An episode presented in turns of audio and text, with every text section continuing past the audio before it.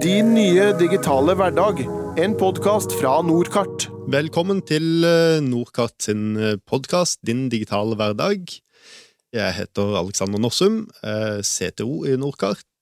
og i denne podkasten så snakker vi litt om teknologi, trender eh, og om noen av produktene våre. Og vi prøver å gjøre det som er litt vanskelig eh, teknologisk, til å bli litt enklere og til å forstå litt bedre.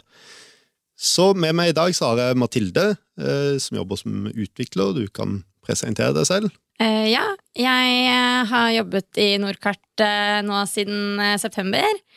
Og har jobbet en del med maskinlæring. Eh, og det er jo det vi skal snakke om eh, i dag. Eh, og har en sivilingeniørgrad hvor jeg fokuserte på hvordan bruke maskinlæring i kombinasjon med geografisk data. Ja, så det, det, er det vi skal snakke om. Og Forrige podkast vi hadde i denne serien, det dreide seg om litt av samme tema. Det var om kunstig intelligens. Og Da gikk vi jo litt mer generelt inn på det og snakka Eh, om de generelle mulighetene med det, hva eh, kunstig intelligens er, eh, litt introduksjon til, til konseptet, og også for å ta det, ta det litt ned fra bøssen til, til, det som er virkelig.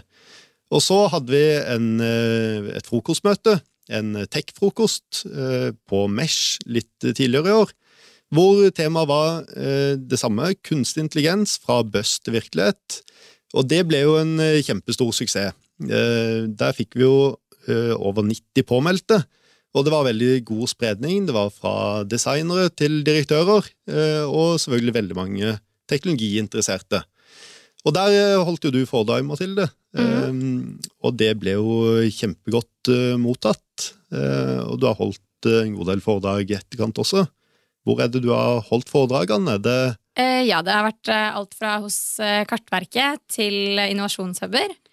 Jeg har snakket eh, både med folk som er interessert i å ta i bruk teknologien, og eh, de som er interessert i å egentlig bare forstå hva er det dette handler om, og hvordan fungerer det. Det er jo veldig spennende. Og mm, vi vet jo at kunstig intelligens eh, ikke er et veldig, ikke veldig lett tema. Det kan fort bli veldig komplisert. Men der har jo du det har vi i hvert fall hørt fra veldig mange av de som har hørt foredragene, har jo eh, gått eh, ut at nå skjønner de endelig dette med, med kunstig intelligens, og det har gitt en, en god forståelse av det.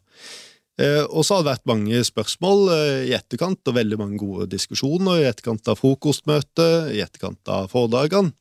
Og det er jo det vi tenker å vie denne podkasten til, og rett og slett dele noen av de temaene som har vært mest etterspurt der. Og et av de, det er eh, hva er egentlig forskjellen mellom kunstig intelligens, eh, maskinlæring, statistikk, big data? Dette blandes ofte i hverandre. Så eh, hva vil du si, altså hvor, hvordan lærer egentlig en maskin, og hva er egentlig forskjellen mellom kunstig intelligens og maskinlæring?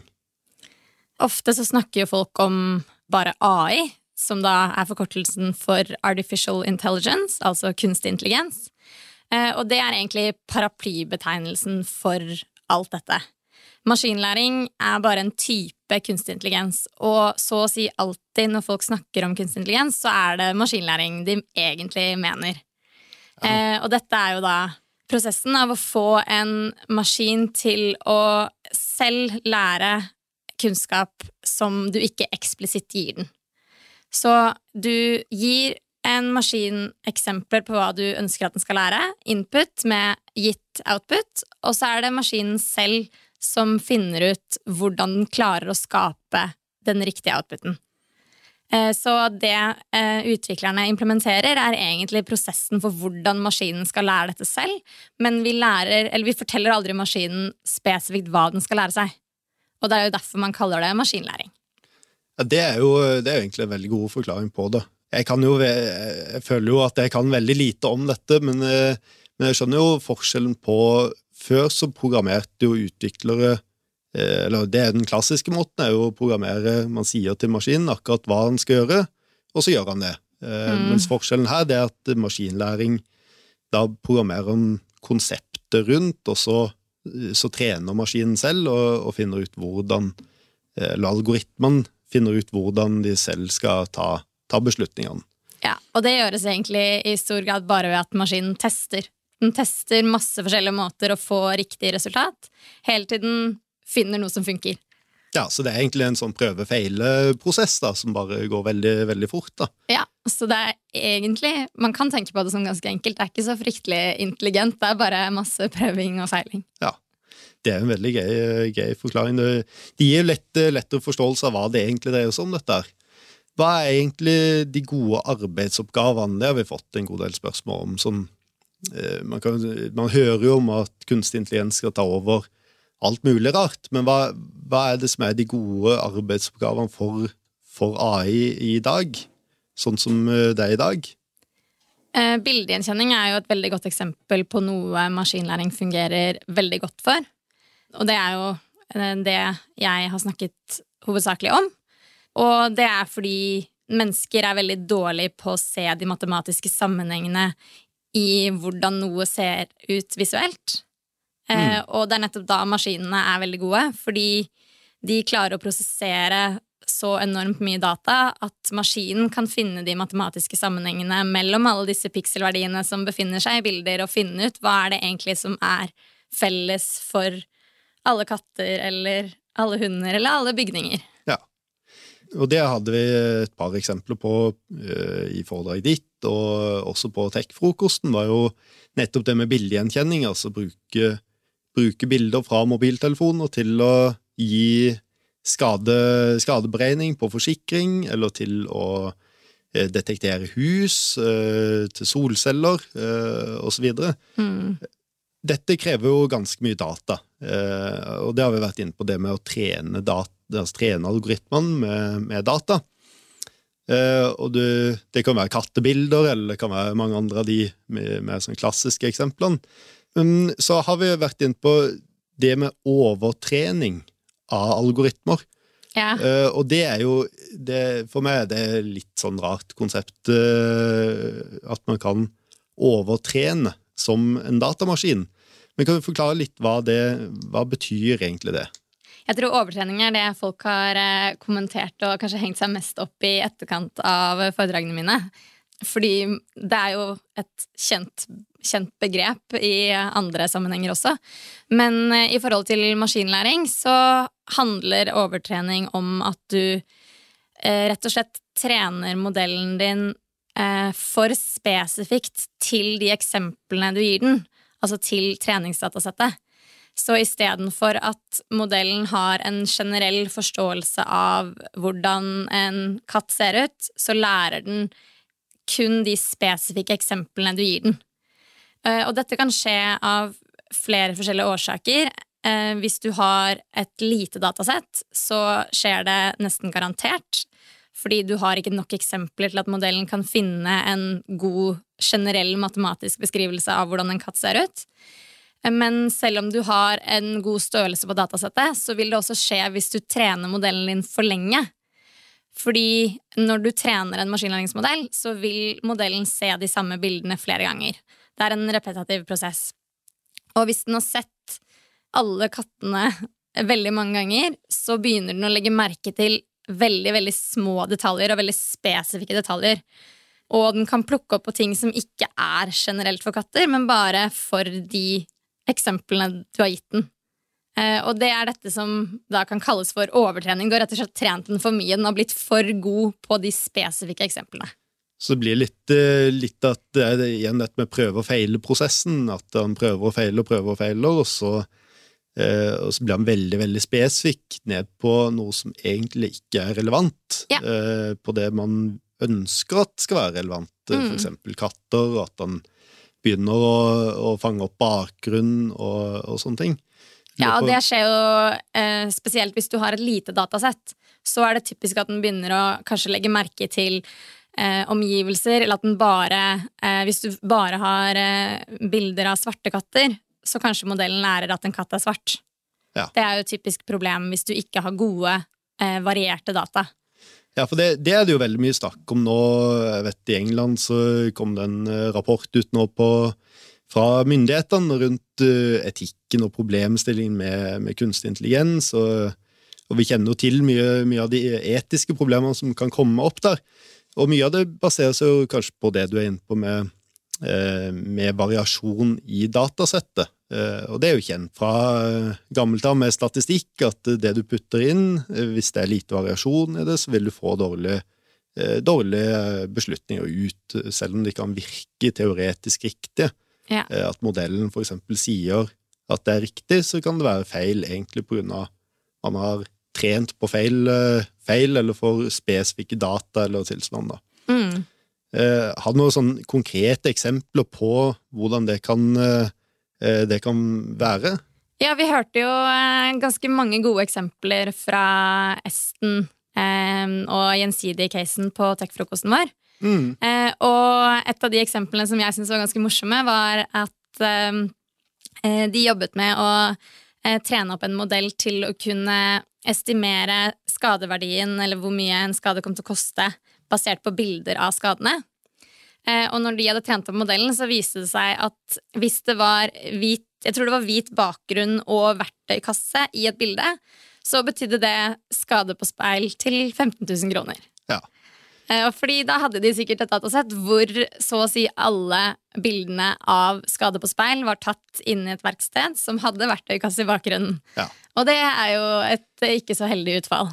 Nei, da, da blir det jo at det blir helt riktig beslutning sånn matematisk og teoretisk, men, men helt feil uh, årsak og sammenheng, ja. uh, egentlig. Ganske verdiløst. Er det noen måter å unngå dette på, eller på andre måter eh, verifisere at, at dette skjer? Ja, altså Man snakker jo ofte om disse modellene som blackbox, at de lærer seg noe, og så aner man egentlig ikke hva de har lært. og Det kan høres litt skummelt ut, men en ting som er veldig viktig å være klar over, er at man har hele tiden mulighet til å eh, verifisere eller finne ut hva modellene har lært, eh, ved at man kan visualisere de spesifikke egenskapene som modellen har lært seg som definisjonene av eh, forskjellige objekter. Da. Så hvis du har en modell som har lært eh, skade på speil 15 000 kroner, så kan du få den til å visualisere hvilke egenskaper de mener at er til stede for at det skal være utfallet. Så hvis du hadde prøvd å visualisere denne modellen som sa at verktøykasse var skade på speil til 15 000 kroner, så ville du sett at det var verktøykasse den hadde lært. Ja. Så du kan på en måte spille, spille litt sånn Jeopardy med, med AI-en, altså reversere det rundt og si via dette svaret, hva er spørsmålet? Ja. Eh, på en måte. Ja, nettopp. Hvordan kommer du fram til dette svaret? Mm. Fordi det modellen lærer seg, er spesifikke eh, egentlig visuelle egenskaper. Og hvis du visualiserer hvilke egenskaper det er, så kan du se hva modellen har definert eller lært. Det er jo Det tror jeg vel kommer til å bli veldig, veldig viktig når man ser på alt som skjer rundt eh, kunstig intelligens, eh, og flere og flere tar det i bruk, og det blir jo enklere å ta det i bruk også. Ja, absolutt. Eh, og vi sitter på veldig mye data som kan brukes som treningsdata. Det er jo det du har jobba med i, i, masteroppgaven din, og du jobber videre med det også i, i Nordkart. Med at vi, vi, kan bruke mye data som er veldig gode å trene på. Eh, men så må vi verifisere i etterkant hva er det egentlig, hvilken intelligens er det som er skapt, og hvordan tas egentlig beslutninger. Mm. Er det den eneste måten å gjøre det på, eller er det, er det andre gode teknikker som, eh, som man bør, eh, bør, ha med seg når man skal, skal, bruke kunstig intelligens og unngå, på en måte, unngå overtrening, unngå alle feil, feilkildene, som kanskje er litt vanskelig å oppdage. Det viktigste er jo å ha eh, gode datasett. Mm. være sikker på at dataen er riktig, ha store nok datasett. Og så er det jo masse gode teknikker for å sørge for denne regulariseringen for modellen. da. Du har blant annet eh, teknikker hvor modellen innimellom eh, bare hopper over hopper over spesifikke deler av modellen som egentlig trengs for å kunne gjøre riktig beregning, for å se Hvis jeg bare fjerner dette, klarer jeg fortsatt å regne det riktig? Eh, ja. Såkalte dropout layers. Masse sånne teknikker eksisterer, så det er viktig å være klar over når man implementerer disse modellene. Men det aller viktigste det er dataen, kvaliteten på dataen. Ja. Ja, for det, det, er jo et problem litt tilbake til den katteeksempelet, som er veldig lett å forstå, da, med at uh, hvis man bare har bilder av svarte katter, så, så vil man ikke kunne gjenkjenne de, de røde og, og hvite og så videre nødvendigvis. da. Ja. Uh, og, og det, man kan bruke teknikker inni algoritmen, men også veldig viktig med, med variasjon og gode treningsdata. Ja, absolutt.